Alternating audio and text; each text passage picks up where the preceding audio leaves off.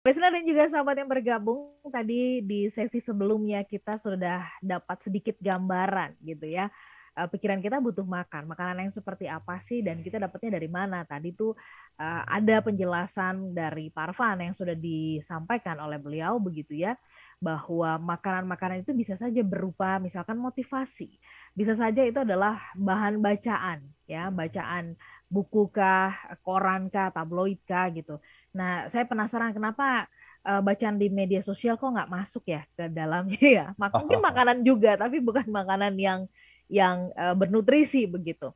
Nah, Pak Arfan, bagaimana kita bisa tahu bahwa uh, ya kalau makanan buat uh, tubuh kita, kita bisa mulai sekarang atau kita sudah diperlengkapi dengan uh, ingredients ya, dengan pengetahuan tentang bahwa kalau mengandung ini ini ini gitu ya karbohidrat, protein, mineral apa serat itu akan baik buat uh, pencernaan kita buat tubuh kita. Kalau begitu makanan buat pikiran kita ini juga ada nggak sih gitu ya pengetahuan untuk membedakan mana yang akan menyehatkan, mana yang justru akan jadi racun Pak Arfan. Silakan. Terima kasih banyak Mbak Ola ya. Um, kita harus punya indikator betul. Ini pertanyaan bagus sekali. Kita harus punya indikator, uh, punya barometer gitu. Ya pertanyaannya begini kalau kita salah makan, ini makanan hmm. yang masuk ke dalam mulut dan kemudian diproses di perut kita ya. Kalau kita salah makan, itu ketahuannya dari mana? Hmm. hmm. Betul. Uh, ya kalau kita salah makan, ketahuan dari kalau nanti misalnya ada keluhan sakit perut, ya, nah. ya, diare, ya, itu dia, itu dia, keracunan, alergi, gitu-gitu kan, Pak Arfan ya. Betul sekali. Intinya di perut, Mbak Ola. Iya. Intinya ya. di perut. Jadi perut kita itu sesungguhnya adalah barometer hmm. terhadap apa pun yang kita makan melalui mulut. Ya. Gitu ya. Itu barometernya perut. Ya. Nah, pertanyaan berikutnya, kalau makanan yang masuk ke dalam pikiran, gitu ya, barometernya apa? Coba, Mbak Ola tahu nggak kira-kira? Hmm, barometernya mulut. Iya sih? Bukan. Kalau makanan yang masuk ke dalam mulut, kan kita kan sangat hati-hati ya. Betul. Sangat hati-hati menjaga makanan yang masuk ke dalam mulut kita supaya kita jangan kemasukan makanan-makanan yang tidak sehat, makanan-makanan yang beracun, makanan-makanan yang tidak higienis, makanan-makanan yang berkolesterol tinggi, misal gitu ya. Kita kan sangat hati-hati. Kenapa? Nanti ada dampaknya secara langsung. Ya, barometernya adalah perut kita gitu. Jadi kalau misalnya perut kita pagi ini kok perut sakit ya gitu kan? Pertanyaannya, Kemarin makan apa makan semalam? Apa? Iya. iya, makan apa semalam? Oh, semalam baik-baik aja. Oke, sorenya makan apa? Siangnya, siang kemarin makan apa? Nah, gitu. Jadi kita harus menelusuri itu. Hmm. Nah, kalau pikiran, tandanya adalah satu. Hati. Perasaan kita, feeling. Ha, feeling. Di hati, Jadi ya. sebetulnya, Mbak Ola, Tuhan itu menciptakan feeling itu luar biasa. Yang namanya emotion itu luar biasa. Satu ketika kita akan bahas ya. Kita akan uh, kupas tuntas mengenai yang namanya emotion. Emosi itu luar biasa. Karena emosi itu adalah pertanda dari Tuhan, barometer, indikator mengenai apa yang masuk ke dalam pikiran kita. Hmm. Nah, hmm. berarti kita lihatnya di emosinya. Kalau ya. emosi kita adalah emosi-emosi yang kurang menyenangkan atau emosi-emosi yang sering kali dilabeli sebagai emosi negatif ya, seperti apa? Misalnya merasa marah, merasa kecewa, hmm merasa galau, merasa sedih, merasa bosan, merasa tidak bermakna, tidak berarti, tidak berguna gitu-gitu ya merasa iri, merasa dengki, merasa benci gitu ya. Nah, ketika ada emosi yang negatif, maka kita langsung tahu, oh, ini pasti ada makanan yang masuk ke dalam pikiran nih yang negatif. Mungkin kemarin baru habis buka uh, Facebook melihat ada ujaran kebencian. Nah, kebetulan orang yang diomongin di Facebook itu, yang dibenci itu adalah orang yang kita benci juga gitu. Nah, ini tokoh yang yang kita juga nggak suka. Akhirnya kita sebarkan berita ke mana-mana. Akhirnya apa? Kita lupa tadi tetut on my mind itu. Kita hmm. sudah mematri kebencian itu sebetulnya di dalam pikiran kita. Dan kebencian itu dia akan tumbuh Mbak Ola seperti pohon. Jadi ketika baca Facebook pertama lihat oh ini ada orang yang saya benci dihujat orang gitu ya. Masuk ujaran kebencian masuk. Jadi pohon yang kecil gitu ya. Besok lihat lagi tambah benci lagi, mulai meningkat lagi pohonnya. Lama-lama jadi pohon yang besar. Dan ketika dia sudah jadi pohon yang besar, sulit untuk uh, mengangkatnya gitu, sulit untuk membuangnya karena udah besar, udah kuat dia. Akarnya sudah sudah menghujam ke dalam tanah, ibaratnya begitu Mbak Ola. Jadi eh, taunya dari mana? Nah, kita harus selalu awas terhadap perasaan kita. Kita harus selalu membaca perasaan kita. Makanya itu namanya kecerdasan emosi. Kecerdasan emosi itu adalah kemampuan kita untuk membaca apa yang kita rasakan dan memberi nama. Jadi semua ya. perasaan kita tuh harus ada namanya harus apa ini namanya. gitu. Ya. Gitu, Mbak Ola. Dan ketika kita merasa tidak nyaman, apa pun perasaan kita tadi, sedih, kecewa, galau, tidak berguna, iri hati, bosan, dengki, benci, apa pun, itu pasti ada yang salah. Hmm. Yang masuk. Nah, itu harus kita telusuri. Eh, kenapa ya saya merasa begini ya? Tadi habis baca apa ya? Habis lihat sosmed yang mana ya? Ada kalimat apa ya? Nah, itu kita harus telusuri karena akarnya di situ, sumbernya di situ. Sebelum kita berhasil menemukan sumbernya, kita tidak akan pernah bisa mengubah perasaan kita dari negatif menjadi positif, Mbak Ola. Arfan, kalau tadi Bapak menjelaskan gitu kan ya, um, serupa dengan kita misalkan kita langsung bisa menelusuri kita makan apa nih gitu sampai kemudian sakit perut atau ya kalau tadi uh, berkaitan dengan pikiran, aku tadi habis uh, apa ya, kenapa kok perasaan aku seperti ini, apa yang aku baca, apa yang aku dengar, apa yang aku lihat dan sebagainya. Berarti kan sebenarnya di situ ada proses kita yang mengizinkan nih Pak Arfan gitu ya kita yang ya. memutuskan untuk makan dan kita yang memutuskan untuk membaca itu apa dan sebagainya. Nah, berarti tindakan preventifnya kan adalah di kita sebenarnya uh, punya kemampuan untuk memutuskan iya dan tidak makan itu atau enggak kan Pak Arfan? Bagaimana tanggapannya Pak ya, Arfan? Ini pertanyaan menarik ya. Ini pertanyaan menarik. Eh, Mbak Ola tadi menggunakan sebuah kata yang sangat penting yaitu mengizinkan gitu. Iya. Tapi yang ingin saya saya katakan begini, Mbak. Kalau makanan yang masuk ke dalam mulut kita itu ketika masuk ke dalam mulut kita itu kita sadar nggak? Sadar.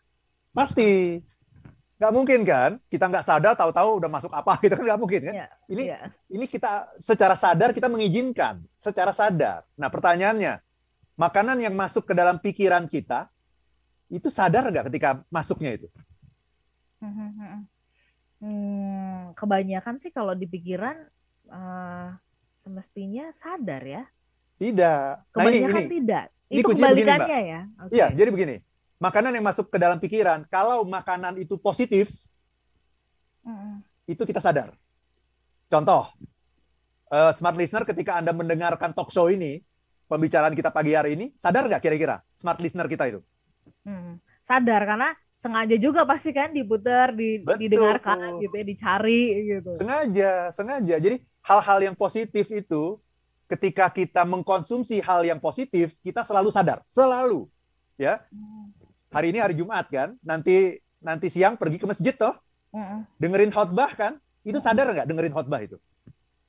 Sadar. Sadar. Hari Minggu pergi ke gereja dengerin khotbah, sadar nggak? Sadar. Nggak ada kan orang yang ke masjid atau ke gereja tuh dalam kondisi fly gitu. dalam kondisi fly dia nggak sadar sebenarnya gitu kan nggak mungkin. Jadi ketika kita baca baca buku misal, ini saya ingin baca buku nih, sadar nggak ketika saya ambil buku dari library saya, saya mau baca, sadar nggak itu? Sadar. Makanan positif itu masuk ketika kita sadar, Mbak Ola. Tetapi, nah ini, makanan negatif itu sayangnya masuk ketika kita tidak sadar. Uh-huh. Tadinya saya cuma mau buka-buka uh, Facebook misalnya. Tadinya saya cuma mau buka-buka Instagram. Kan saya tidak berniat kan tidak berniat saya pingin mendapatkan makanan negatif kan? Betul. Tidak berniat saya kepingin nanti siapa tahu di sana ada ujaran kebencian gitu ya. Saya pingin masukin ke kepala saya tuh ujaran kebencian. Kan nggak begitu kan? Iya. Siapa ya. tahu ada mak ada makanan-makanan sampah tuh di situ tuh yang mungkin ada orang yang yang lagi pamer kekayaan, lagi flexing tuh. Kan tidak berpikir sampai ke situ gitu tidak, ya, Pak Arfan. Tidak sampai ke sana. Okay. Kita hanya ingin me, apa istilahnya? Um, mencari refreshing lah gitu.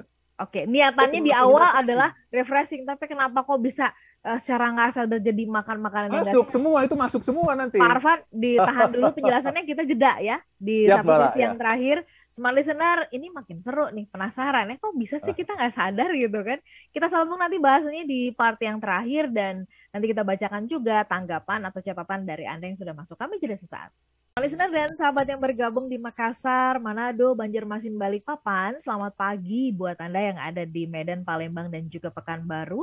Kemudian beralih ke Yogyakarta, Surabaya, Jakarta, Depok, Tangerang, Bekasi, dan kota-kota di sekitarnya. Selamat pagi buat Anda semuanya juga yang menyapa kami ada di Boyolali, di Purwokerto, di Jepara, ya di uh, Bandung, terus kemudian Anda yang ada di Lombok, kemudian Anda yang ada di Mandalika, bahkan Anda yang ada di luar negeri ya, di Hong Kong ya, kemudian di Arab, di Belanda. Terima kasih sudah bergabung bersama dengan kami uh, di kesempatan pagi hari ini kalau di Indonesia, kalau di tempat Anda bisa saja ini siang atau sore begitu.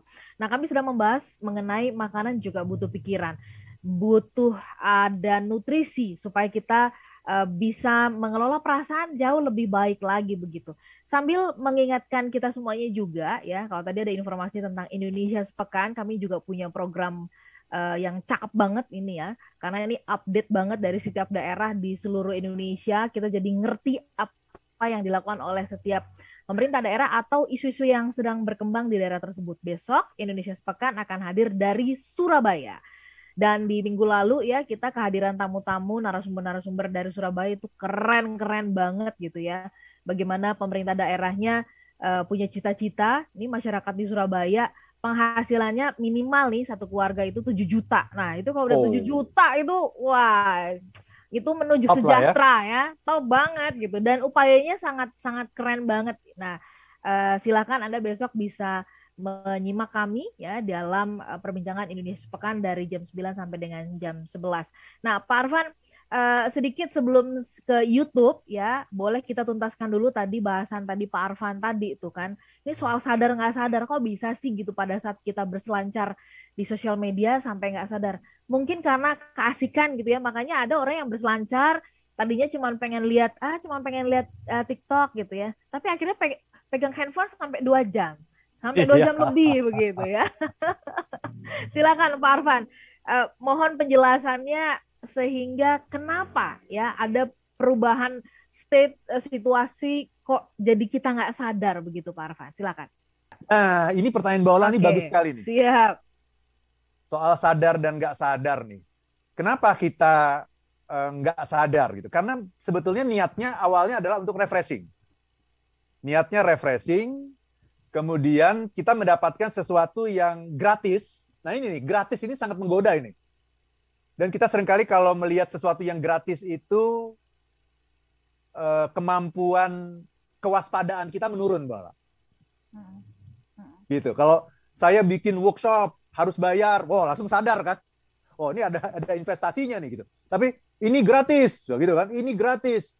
Ketika gratis, teman-teman, percayalah, yang gratis-gratis itu itu bukan bukan tidak ada yang harus kita bayar sebetulnya. Gitu ya. Jadi hati-hati dengan yang gratis-gratis itu. Gratis-gratis itu ada sesuatu yang harus kita bayar. Bayarnya dengan apa? Bayar dengan perhatian. Bayar dengan waktu kita. Bayar dengan konsentrasi kita. Gitu ya. Jadi karena ini sosial media itu uh, gratis, maka kita masuk, kita lihat Instagram nggak habis-habisnya. Lihat Facebook nggak ada habis-habisnya. Lihat Twitter nggak ada habis-habisnya. Dan ketika itu, maka kita akan masuk ke dalam uh, keasikan gitu ya. Jadi benar-benar asik tuh, lupa waktu. Dan saya juga suka mengalami itu. Jadi jangan jangan dipikir saya nggak pernah mengalami itu. Saya juga suka mengalami itu, tapi bedanya orang yang belajar sama yang nggak belajar, orang yang belajar itu lebih cepat sadar. Gitu ya. Wah, udah habis nih satu jam ternyata tinggalkan gitu. Ini ini nggak sehat karena itu mak makanan masuk terus tuh selama satu jam tuh masuk terus ketika kita mengkonsumsi sosmed makanan masuk terus itu. Dan kita tidak pernah tahu ini makanan sehat atau nggak sehat. Karena masuknya tanpa kita sadari. Karena kita sudah membuka diri kita ketika kita melihat mendengar kata-kata gratis. Kita buka diri kita mindset kita seluas-luasnya. Nah itu masuk terus sebanyak-banyak ya jadi nggak sadar bahwa kalau dengerin smart happiness sadar nggak? Pasti sadar. Dengerin khotbah pasti sadar gitu ya. Baca buku pasti sadar. Ya. Itu Mbak Ola. Nggak mungkin ada orang yang mendapatkan hal yang positif tapi tidak sadar. Tapi ya. hal yang negatif itu kita dapatkan ketika kita tidak sadar. Contoh, kita ketemu teman lama kan? Hmm. Ketemu teman lama, ngobrol ke mana-mana kan? Niatnya apa? Niatnya baik. Silaturahmi. Iya kan? Silaturahmi masa nggak ada yang diobrolin? gitu kan. Kita ngobrol ke mana-mana, akhirnya apa? Dia cerita ke banyak hal, muncul rasa iri hati. Wah, ternyata teman saya sukses banget ya. Kok saya nggak seperti dia? Padahal dulu waktu sekolah dulu nilai saya lebih tinggi daripada dia. Kok sekarang dia lebih kaya ya, lebih sukses ya, jabatannya lebih tinggi ya. Muncul iri hati, masuk ke dalam kepala kita, disimpan dalam bawah sadar kita. Nggak sadar, tapi besok pagi ketika kita bangun tidur, kemudian kita mengatakan, this is a bad day. Gitu ya. Kenapa? Okay. Kok aku bangun belum ngapa-ngapain udah galau ya? Nah itu. Ya. Oke, okay. baik. Pak Arfan, uh, saya ingin secara cepat dari YouTube ya, dan nanti kita coba rangkumkan Pak Arfan uh, barangkali bisa membantu kami gitu ya, memberikan catatan ini mungkin nggak nggak tuntas di hari ini, tapi setidaknya kita ya. bawa pulang sesuatu. Bisa nggak sih kita rubah dengan cepat atau kita healing uh, pikiran kita yang uh, barangkali tadi tuh ya uh, sudah makan makanan yang gak sehat dan muncul perasaan-perasaan yang khawatir, takut, ada marah dan sebagainya. Secara singkat nanti bisa dijelaskan, tapi saya ingin menyapa ada akun Dwi Andri ya, kemudian ada Imtap Nawawi, kemudian ada Anindya Sinfoineta, ada Pak Suaib Sewang dan juga Pak Ketut Setiawan. Memang kalau ngobrol kayak gini, ngobrol sama Pak Arfan tuh kayak nggak ada nggak ada habisnya ya. Pak Arfan, menutup perbincangan kita, bagaimana mengubah uh, posisi pikiran kita yang sudah terlanjur lagi makan yang nggak sehat dan memunculkan perasaan yang tidak nyaman begitu Pak Arfan. Silakan. Very good question ya. Dan saya tahu ini jawaban saya tidak memuaskan nih pasti ya karena waktunya udah mepet banget nih. Iya. Jadi uh, kita harus ingat ya uh, teman-teman semua ya bahwa pikiran kita itu selalu makan setiap detik. Itulah bedanya dengan perut kita. Perut kita itu hanya makan mungkin tiga kali sehari. Dan ketika makan itu kita sadar, karena hanya tiga kali. Pikiran kita nggak begitu. Bahkan ketika kita tidur sekalipun, pikiran kita memproses terus. Sehingga kita keluarnya dalam bentuk mimpi atau dalam bentuk solusi kadang-kadang gitu. Karena diproses terus, maka kita harus sadar. Nah, ketika kita sadar ini, maka kita tanyakan pada diri Anda, hari ini Anda baca buku apa? Hmm. Hari okay. ini Anda mau lihat sosmed itu niatnya apa? Dan yang mau Anda cari itu apa? Harus jelas. Mau cari apa? Jangan cuma refreshing nyari ke mana-mana itu kacau itu. Mau lihat sosmed tuh apa yang mau mau dilihat informasi apa? Ya. dan yang paling penting sesungguhnya adalah kita harus sadar mbak Ola. Nah tapi kan menyadari setiap saat itu kan juga uh, agak ribet juga ya setiap saat kita harus sadar gitu. Makanan apa yang masuk ke dalam kepala gitu kan. Nah hmm. karena itu kita punya barometer supaya nggak ribet supaya hidup kita lebih simpel. Tuhan menganugerahkan kita dengan yang namanya feeling emotion perasaan Cek perasaan Anda. Hari ini, pagi ini, nih sekarang ini, apakah Anda punya perasaan positif atau negatif? Kalau perasaannya negatif itu tadi, sedih, kecewa, galau, marah, benci, bosan, meaningless, itu pasti ada makanan yang tidak kita sadari masuk ke dalam pikiran kita. Makanan sampah, makanan-makanan negatif. Makanan-makanan yang seharusnya itu kita buang karena itu beracun gitu. Bawalah. Ya. Jadi kuncinya lihat selalu lihat perasaan. Kita di perasaan selalu kita ya. Deteksi perasaan Anda. Baik. Pak Arfan, kita tutup perbincangan kita. Kita sambung kembali minggu depan silaturahminya. Yep. Pak Arfan sehat-sehat ya. Sama-sama, Mbak. Untuk hari ini juga ya. Begitu juga dengan Smart Listener. Kami pamit. Saya Lanur Lija. Dan saya Arfan Pradiansyah. If you, If be, happy, be happy, be happy. Be happy. Now. Now.